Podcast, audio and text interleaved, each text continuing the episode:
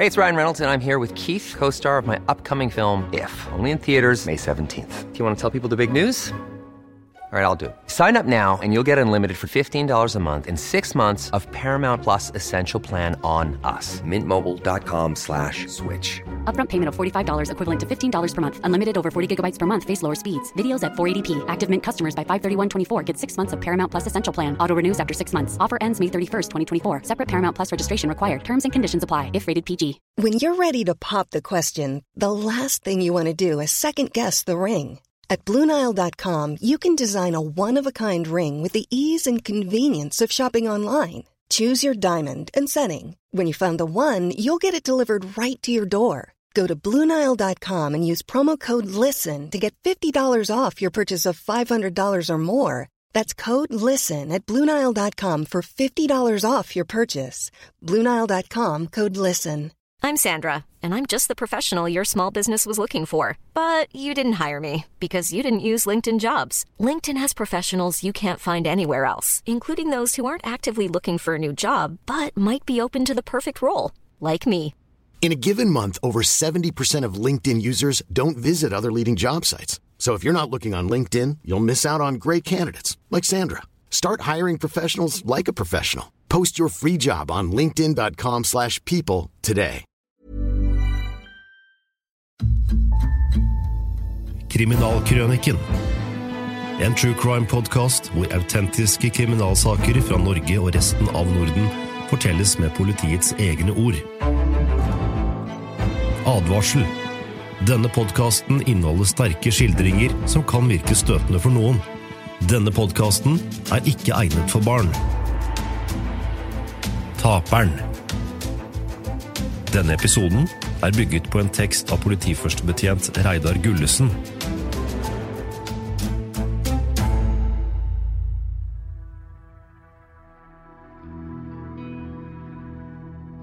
Bjørge Marius Haug, bare kalt Marius, hadde en turbulent oppvekst.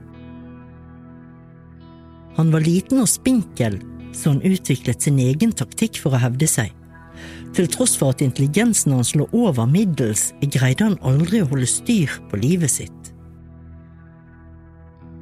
Han fulgte ikke alltid samfunnets normer, han var nærtagende og kom lett i konflikt med sine nærmeste foresatte og arbeidsgivere.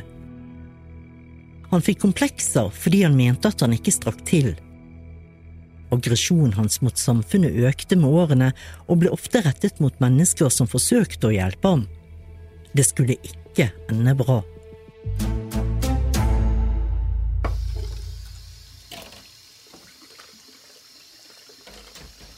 Bente Katrine Haug var i dårlig humør da hun sto ved oppvasken etter middagen.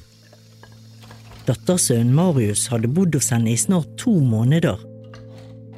Han hadde blitt kastet ut fra en internatskole i Kristiansand fordi han hadde vært sammen med noen av jentene som gikk på den samme skolen. Da han noen uker før kom hjem etter å ha fått sparken på jobben, kunne ikke moren og mannen hennes som var stefar til Marius ta imot ham. De bodde trangt og hadde to barn, så de våget ikke å ta 17-åringen hjem. Det var hele tiden krangel og spetakkel mellom Marius og ekteparets tolv år gamle sønn.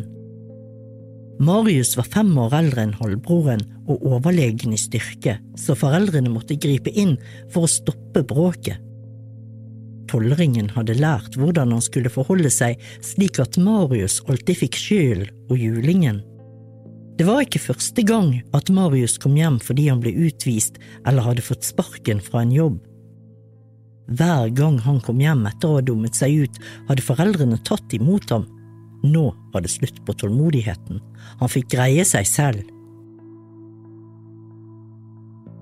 Når han kom hjem, var han blakk. Selv om han hadde vært til sjøs eller i arbeid på land, hadde han sløst bort pengene. Han kunne derfor ikke betale for seg hjemme. Der var økonomien stram nok om de ikke i tillegg skulle fø på en tenåring.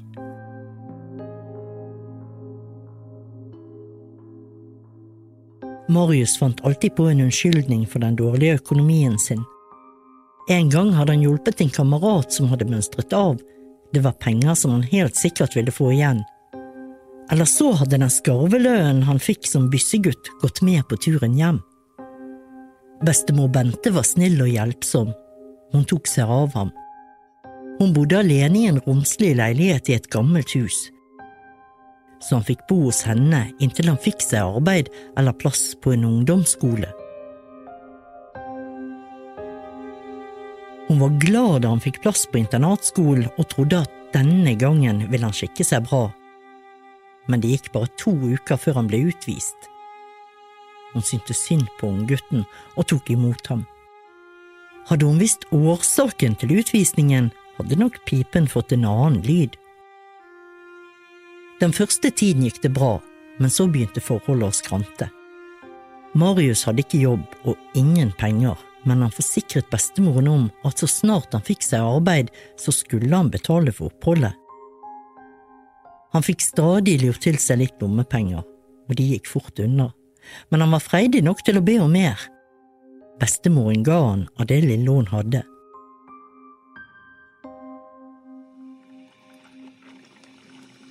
Da Bente var ferdig med oppvasken etter middagen, kokte hun kaffe og fant fram noen kaker som hun tok med inn i stuen. Det var lørdag kveld, så hun ville gjøre det litt hyggelig. Der satt Marius med bena på salongbordet. Han gadd knapt å trekke de til seg da bestemoren kom med kaffebrettet. Han satt og leste i kriminaljournalen og hadde en stabel med blader som cocktail, krydder og lignende liggende ved siden av seg i sofaen. Artikkelen som opptok ham, het X for mord, kjempeskandale i Oklahoma. Sofia Loren pranget på omslaget. Bente så misbilligende på bladene, men hun var oppmerksom på valget hans av lesestoff, så dette forbauset henne ikke. Var hun i dårlig humør fra før, ble hun ikke ikke i bedre humør etter dette. Hun spurte om han hadde vært på arbeidskontoret og søkt på noen jobber, og Marius forsikret henne om at han gikk dit hver eneste dag, men sa også at han mente at utsiktene til ny jobb var små.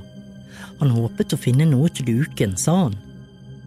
Bente visste at gutten satt og løy, for det manglet ikke på arbeidsplasser, spesielt for ungdom i hans alder som kunne komme inn som læregutter på forskjellige bedrifter. Guttevalpen ville ikke ha jobb så lenge han kunne bli underholdt av andre.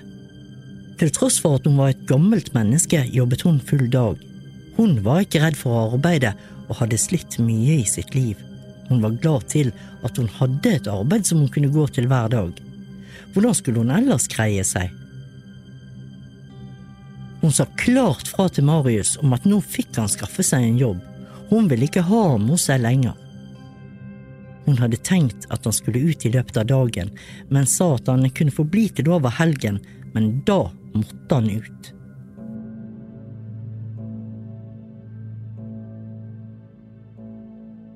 Mandag forhørte Marius seg på skolekontoret om det var ledig plass på en ungdomsskole. Damen bak skranken fant fram en del papirer som hun kikket gjennom, og da hun hadde studert papirene en stund, så hun opp og ga beskjed om at det dessverre ikke lot seg gjøre, siden han var kastet ut fra ungdomsskole i Kristiansand. Da Marius ut på ettermiddagen kom hjem til bestemoren, fikk han klar beskjed om å flytte ut neste dag. Han ble overrasket og irritert over dette, for han hadde ikke trodd på henne da hun lørdagskvelden snakket om flytting. Marius førte dagbok over erobringene sine. Bestemoren hadde i helgen funnet boken og lest om det kyniske seksuallivet hans. Der fant hun også ut hvorfor han hadde blitt utvist fra internatskole i Kristiansand. Da han fikk beskjed om å pakke sakene og reise fra skolen, tok han det ikke så tungt. Han fikk lokket med seg en jente som var elev ved skolen, og de to reiste til Oslo, men pengene tok fort slutt. Marius foreslo at jenten skulle prostituere seg for å skaffe penger til livets opphold til de begge, men da hun nektet, reiste han fra henne og lot henne stå igjen i hovedstaden uten penger alene. Jenten visste ikke annen råd enn å henvende seg til politiet for å få hjelp. Hun torde ikke kontakte familien. Politiet sendte henne hjem til familien. Til slutt havnet også Marius hos politiet, som også sendte ham hjem.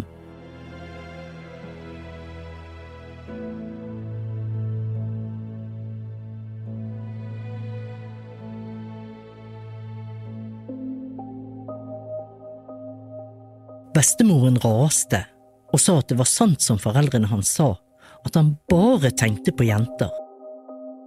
Hadde han bare oppført seg skikkelig på ungdomsskolen, så hadde han ikke blitt utvist. Nå var han gammel nok til å stå på egne ben og burde slutte med å ligge andre til byrde. Han skulle ut av leiligheten, hun var redd ham, sa hun.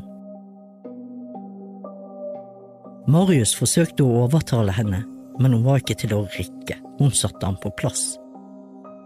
Han hadde vært overbevist om at hun var glad i ham, men nå begynte han å tvile.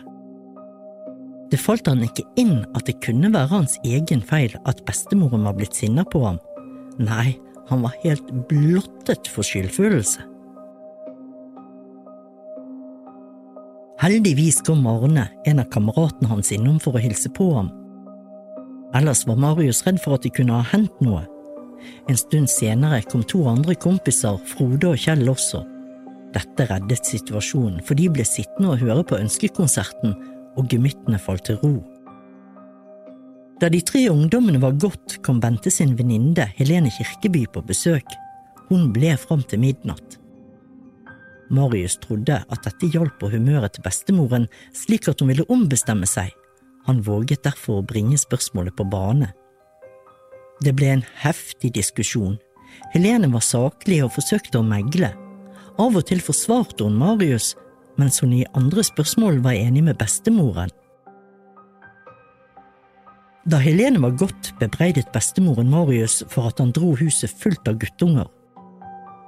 Hun sa blant annet at hvis hun ikke hadde lovet at han skulle forbli til neste dag, ville hun ha kastet ham på døren med det samme.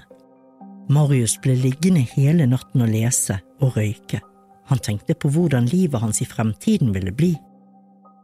Han bestemte seg for å spørre bestemoren om han fortsatt kunne få lov til å bo hos henne mot at han fikk seg jobb og betalte for seg. Hvis hun ikke gikk med på det, ville han spørre om et lån slik at han kunne få leie seg en hybel.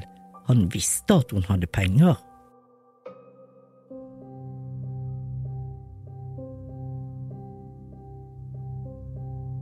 Tirsdag morgen 25. november 1958 gikk Marius inn til bestemoren som lå og sov. Hun våknet da han kom inn. Han sto på radioen, men hun ba han om å slå den av. Det gjorde han ikke, men han dempet den litt. Han så på den gråhårete lille kvinnen som lå i sengen. Hun lå lagelig til. Med rolige skritt gikk han bort og satte seg på sengekanten. Så tok han tak. Med begge hendene om halsen hennes klemte han til. Hun fikk ikke sjansen til å skrike, og motstanden var kraftløs. Han presset så hardt at han fikk krampe i fingrene, så han måtte løsne på grepet. Da oppdaget han at hun hadde svimet av og lå helt stille. Han fant en tynn damestrømpe som han bandt to ganger om halsen hennes og strammet til og så laget han en knute. Da ringte det på døren.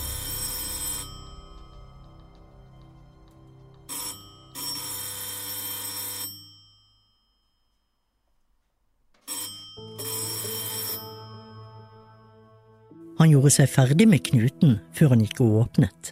Utenfor sto en dame som het Ingeborg Lium, sammen med sønnen sin som var i fire-femårsalderen.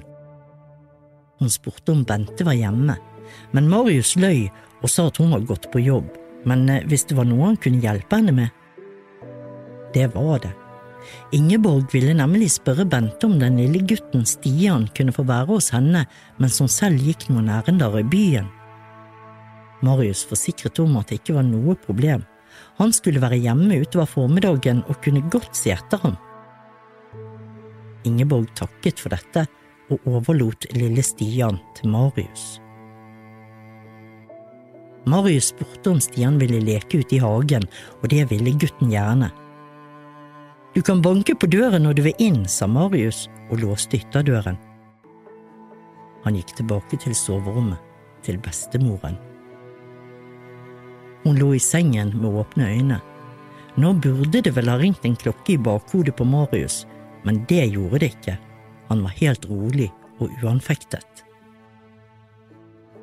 Hvorfor hadde han ligget våken hele natten og tenkt på hvordan livet hans ville arte seg i fremtiden hvis det ikke var fordi han hadde planer om å drepe? I dette øyeblikket burde det vel stå lysende klart for ham at han ville få et opphold bak fengselsmurene. Hadde han gjennom våkenatten med fullt overlegg planlagt drapet?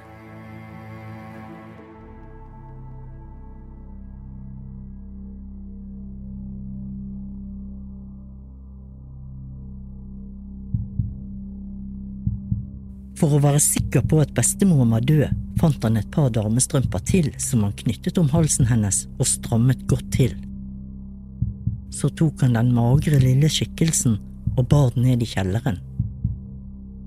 Han la henne på kjellergulvet i en krok og fant et teppe som han slengte over henne. Marius gikk opp på kjøkkenet og kokte seg kaffe og spiste frokost. Han ropte på Stian og de to satt ved kjøkkenbordet og småpratet og spiste da Ingeborg kom tilbake fra byen. Marius bød på kaffe, men Ingeborg hadde liten tid, så hun tok Stian med seg og gikk. Marius hadde ingen panikk. Han oppholdt seg i bestemorens leilighet hele dagen, og han sov der om natten.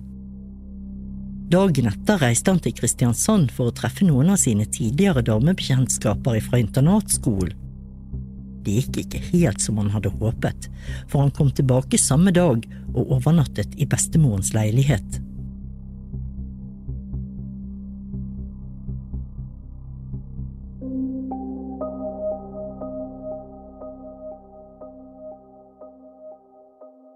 Dagen etter pakket han eiendelene sine og bestilte en taxi som kjørte han til jernbanestasjonen. Han hadde funnet 2500 kroner i kontanter i leiligheten, en postsparebankbok på 5300 kroner og en vanlig bankbok på 400 kroner som bestemoren hadde liggende, og dette tok han med seg. Han reiste med tog og buss til Horten. Her tok han inn på et hotell og skrev seg inn med sitt rette navn. Først tok han kontakt med hyrekontoret og forhørte seg om hyre. Han hadde vært til sjøs tidligere, så han kjente rutinene. Deretter gikk han på byen og fornyet garderoben sin for et par tusen kroner. Det minket på kontantene, så han gikk på postkontoret og fikk utbetalt 1300 kroner fra Postsparebankboken. Han legitimerte seg med fullmakt fra Bente Katrine Haug. Fullmakten hadde han laget selv og skrevet under med bestemorens navn. Det var så snedig gjort at postekspeditøren ikke oppdaget forfalskningen.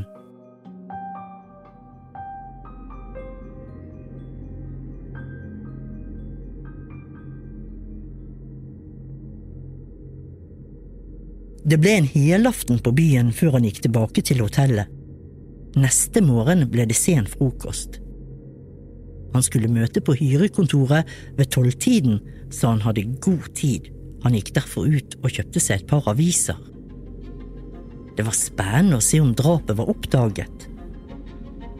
Han håpet at det gikk noen dager før bestemoren ble savnet, for da ville han være langt til havs. Han la seg på sengen mens han kikket gjennom avisene. Da banket det på døren. Men før han rakk å reise seg, gikk døren opp. Han hadde glemt å låse, og inn kom to kraftige karer som spurte om han var Bjørge Marius Haug. Han svarte noe forvirrende bekreftende på dette, og før han fikk summet seg, smekket et par håndjern om håndleddene hans. Du får bli med oss tilbake til Skien, sa han som hadde spurt om navnet hans. Først nå gikk det opp for Marius at det var politiet som hadde innhentet ham.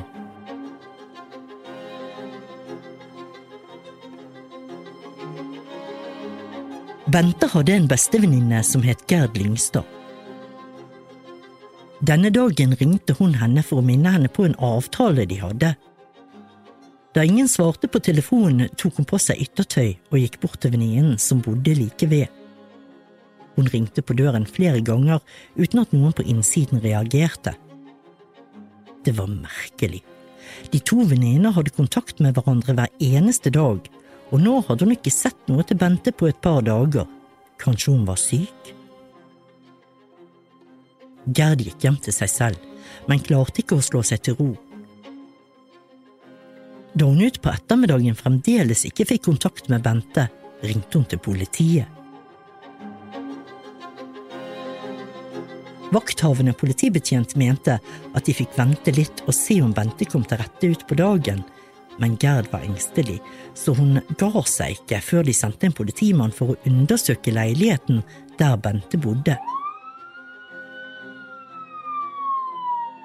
Gerd fikk tak i en nøkkel fra huseieren.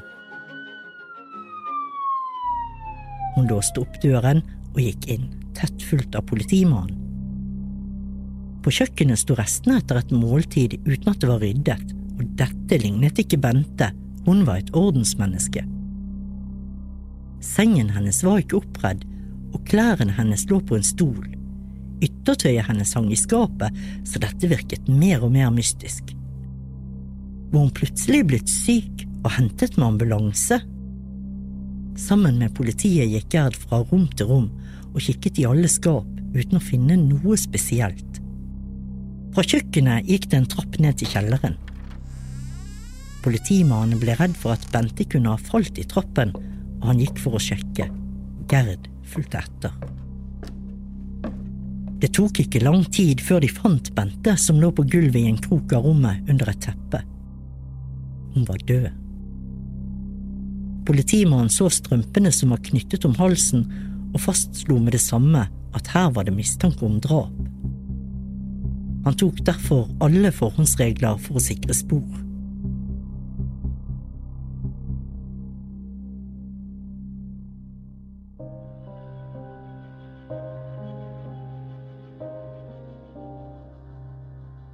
Det gikk ikke mange minuttene før lege og kriminalteknikere kom til stedet. Legen fastslo at Bente hadde vært død en tid. Hvor lenge kunne han ikke si med sikkerhet, men mye tydet på at hun hadde vært død et par dager. Drapsmannen hadde altså fått et godt forsprang. Datteren til Bente bodde i byen. Hun var en av de første som ble varslet og fikk vite om tragedien. Hun ble sjokkert og brøt fullstendig sammen. Kanskje ante hun hvem som kunne stå bak drapet, men overfor politiet ga hun ikke uttrykk for dette. Etterforskerne arbeidet på spreng med å avhøre naboer, omgangsvenner og pårørende. Det gikk ikke lang tid før mistanken ble rettet mot Marius, som bodde hos bestemoren. Hvor hadde han tatt veien? Snart kunne politiet følge sporene hans. Ingeborg Lium kunne fortelle at Marius hadde vært hjemme om tirsdagen. Da hadde hun vært der og snakket med ham. Hun hadde spurt etter Bente, men han hadde svart at hun var på jobb. Legen mente at Bente kunne ha blitt drept denne dagen. Hadde Marius vært der i huset hele tiden? Hva kunne han i så fall fortelle om drapet? Ingeborg hadde ikke merket noe spesielt ved Marius. Hun kjente ham fra før, og hun ville ha oppdaget hvis han var nervøs. Han hadde passet på lille Stian, de satt på kjøkkenet og spiste da hun kom tilbake. Marius spøkte og lo, og Stian hadde hatt det så gøy at han ikke ville bli med moren da de skulle dra. Marius hadde løyet. Da politiet ringte til jobben til Bente, fikk de vite at hun ikke hadde vært på jobb den tirsdagen da Ingeborg hadde spurt etter henne.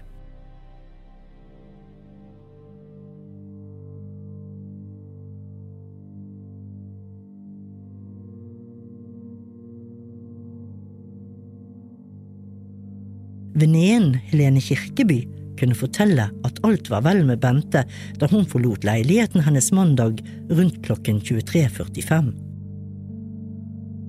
Man antok derfor at drapet hadde funnet sted i løpet av tirsdagen.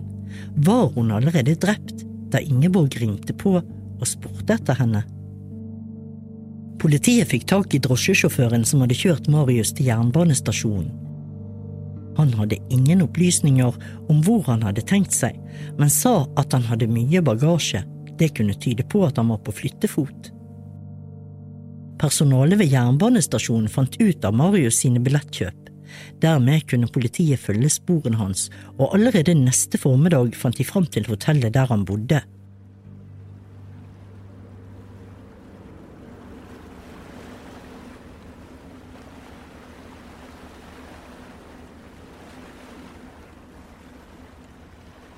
En junidag i 1940 sto Asbjørg Haug og tok avskjed med kjæresten.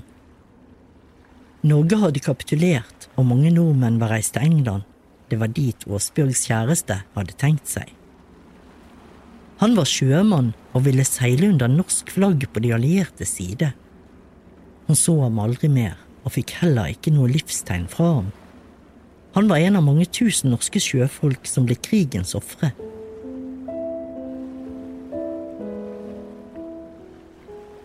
Verken Åsbjørg eller kjæresten var ved avskjeden klar over at hun var gravid. Åsbjørg hadde huspost i Oslo, men måtte slutte da vertskapet oppdaget at hun ventet barn. Hun reiste hjem til moren, men ble kastet på dør da moren fikk vite om graviditeten. Moren hadde et mislykket ekteskap bak seg. Hun bodde dårlig og var tynget av slit og fattigdom. Hun kastet datteren på gaten.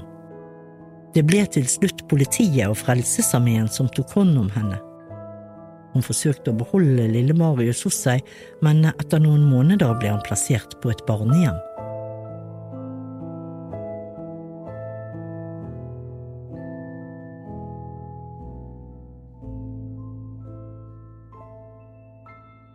Åsbjørg ble kjent med en sjømann fra Nederland. De giftet seg, flyttet til Rotterdam og bodde hos hans familie. De tok med seg Marius som da var fire år gammel. De bodde trangt, det var vanskelig med arbeid, så familien hadde lite penger, og matstellet ble deretter. Marius var mye syk, og dette skyldtes delvis den dårlige maten. Språket var ikke noe problem da han begynte på skolen som seksåring. Det hadde han som barn flest lært seg fort, men han ble mobbet fordi han var norsk og han gikk i norske klær, noe moren ikke skjønte når hun kjøpte klær til ham. Moren var streng, hissig og oppfarende. Marius fikk mye juling. Marius var så flink på skolen at han lå foran de andre elevene i klassen, så han fikk en hel måned fri for å reise til Norge sammen med foreldrene. Alt dette bidro til at han skilte seg ut fra massen. Han ble et mobbeoffer. Han tok igjen på mange måter. Han lurte til seg ting som tilhørte mobberne, og gjemte de, men fikk enda større problemer da dette ble oppdaget. Da han var tolv år, flyttet familien til Norge. Den første tiden på norsk skole fikk han språkproblemer. I løpet av kort tid overvant han disse, men han hadde i lang tid en fremmed aksent. Dette førte igjen til mobbing. Ofte sto han alene mot hele kameratflokken. Han hadde lett for å få venner, men hadde også lett for å miste de. Han hadde lært seg å avlede ertelystne gutter ved å anlegge et venevesen, eller å skryte av ting som han våget å gjøre. Han forsøkte å skaffe seg penger og kjøpe seg fred ved å spandere en sigarett eller et stykke sjokolade. Han gikk ut av folkeskolen med gode karakterer, til tross for at han de to siste årene var tidlig oppe hver eneste morgen for å gå med aviser. Siden gikk han ett år på framholdsskole og greide seg godt der også.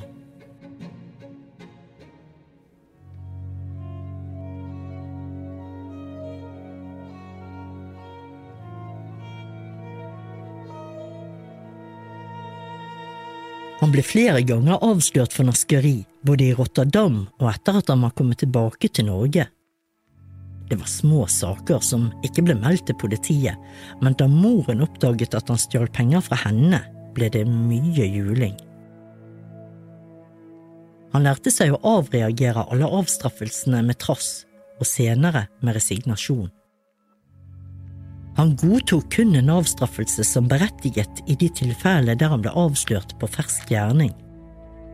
Han tok på seg et uskyldig smil og en from mine når han skulle stå til rette for det han hadde gjort. Marius var villig snill og hjelpsom når han ble bedt om en håndsrekning, spesielt når det var noe som gagnet ham selv. Innerst inne hadde han mange positive krefter som han aldri torde slippe løs av skrekk for å lide nederlag. Han hadde gode evner og en IQ på 120, men han maktet ikke å bruke noen av disse fordi han aldri ble moden nok til å stå på egne ben eller å løse problemene som møtte ham i livet. Han lot seg styre av tilfeldigheter.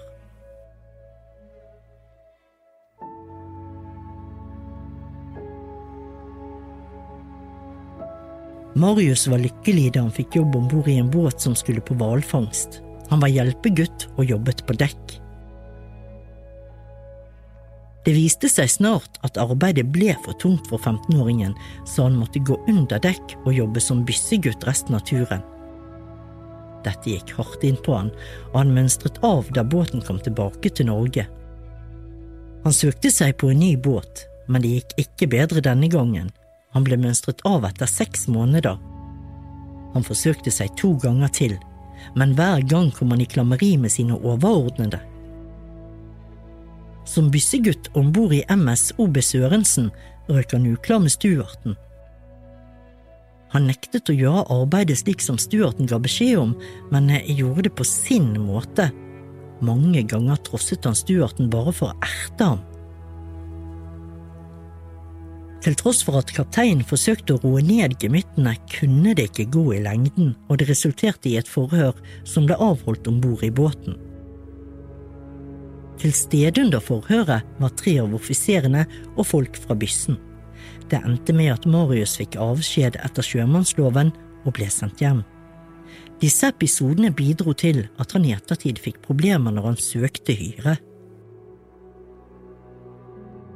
Han fikk jobb som en visegutt i et firma som var meget fornøyd med ham inntil de oppdaget at han underslo småbeløp, det dreide seg om en 30–40 kroner, men likevel, han fikk sparken.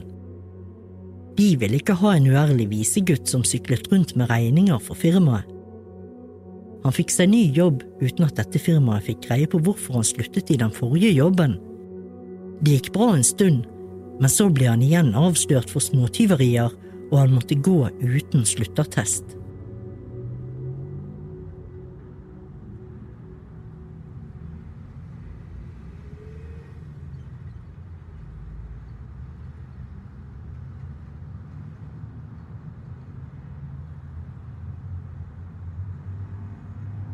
På tilbaketuren fra Horten var Marius stille og mutt. De to politifolkene forsøkte å få i gang en prat, men Marius åpnet ikke munnen. Han satt hele tiden og røykte. Du røyker mye, sa den ene politimannen. Har du røykt lenge? Siden jeg var ni år, svarte han. Det var den eneste gangen han snakket under hele turen.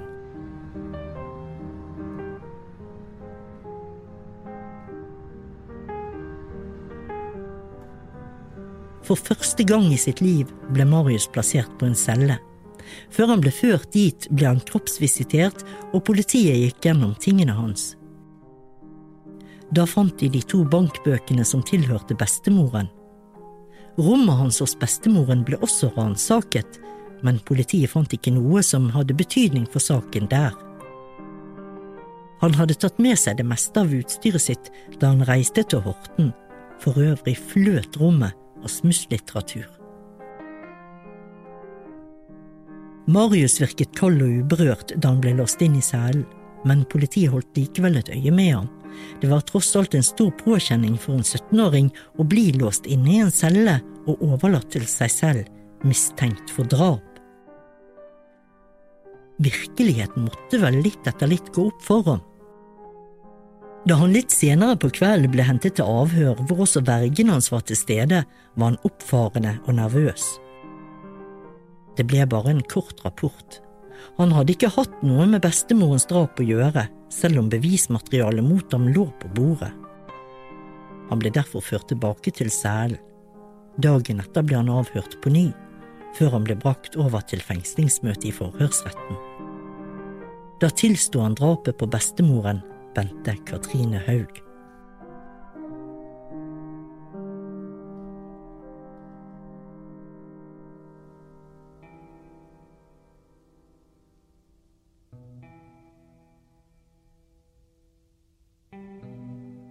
Han ble varetektsfengslet i åtte uker med brev- og besøksforbud. Etter at han hadde konferert med forsvareren sin, godtok han fengslingen på stedet. Da saken ble kjent, vakte den stor medieinteresse over hele landet. Kriminaliteten lå på et adskillig lavere nivå den gangen enn det den gjør i dag, og drap var en forholdsvis sjelden foreteelse. Etterforskningen fikk høy prioritet, og i løpet av et par måneder var saken på det nærmeste ferdig. Marius hadde i perioden hatt et variabelt humør. Han endret stadig forklaringene sine og kom med utfall mot etterforskerne. Dette var hans natur. Han kom lett på kant med folk og overordnede. Det var derfor naturlig at aggresjonen hans rettet seg mot politifolkene. I januar 1959 begjærte politimesteren rettslig undersøkelse. Den ble berammet til 17. januar. Her ble Marius gjort kjent med siktelsen mot ham og retten han hadde til å nekte å forklare seg. Han benyttet seg ikke av dette, og han forklarte seg for retten. Han svarte på alle spørsmål som ble stilt, og alt ble protokollført. Dette ble grunnlaget for hans versjon om forholdet til bestemoren og om det som skjedde drapsdagen. Saken kom opp i lagmannsretten i første halvdel av februar. Tiltalen lød på fem punkter som i korte trekk kan summeres opp som drap av Bente Katrine Haug. Tyveri av 1500 kroner i kontanter, tyveri av to bankbøker, forlede en postfunksjonær til å utbetale penger på en postbarebankbok som tilhørte en annen, og forfalskning av fullmakt. Lagretten svarte ja på alle skyldspørsmålet.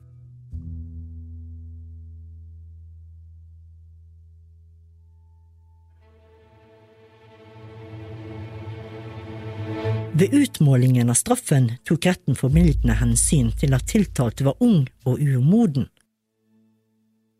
Han hadde vokst opp under vanskelige forhold, selv om han ellers hadde hatt et bra hjem.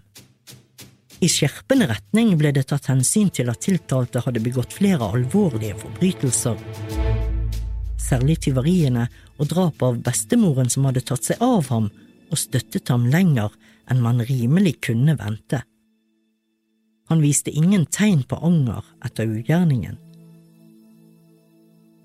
Marius hadde også vært underkastet rettspsykiatrisk undersøkelse. De sakkyndige anførte at tiltalte var en person med mangelfullt utviklede sjelsevner, og at det av den grunn var fare for gjentagelse av straffbare handlinger. Bjørge Marius Haug ble dømt til fengsel i tolv år. Påtalemyndigheten fikk rettens fullmakt til å anvende sikringsmidler på inntil ti år. Etter dommen ble han overført til soning i kretsfengselet.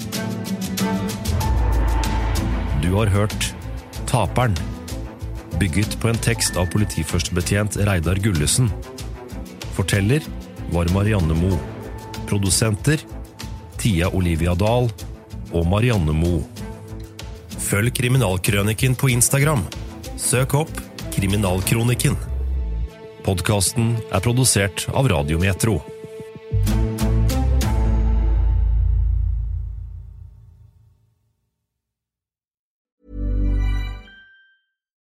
Why don't more infant formula companies use organic, grass fed whole milk instead of skim?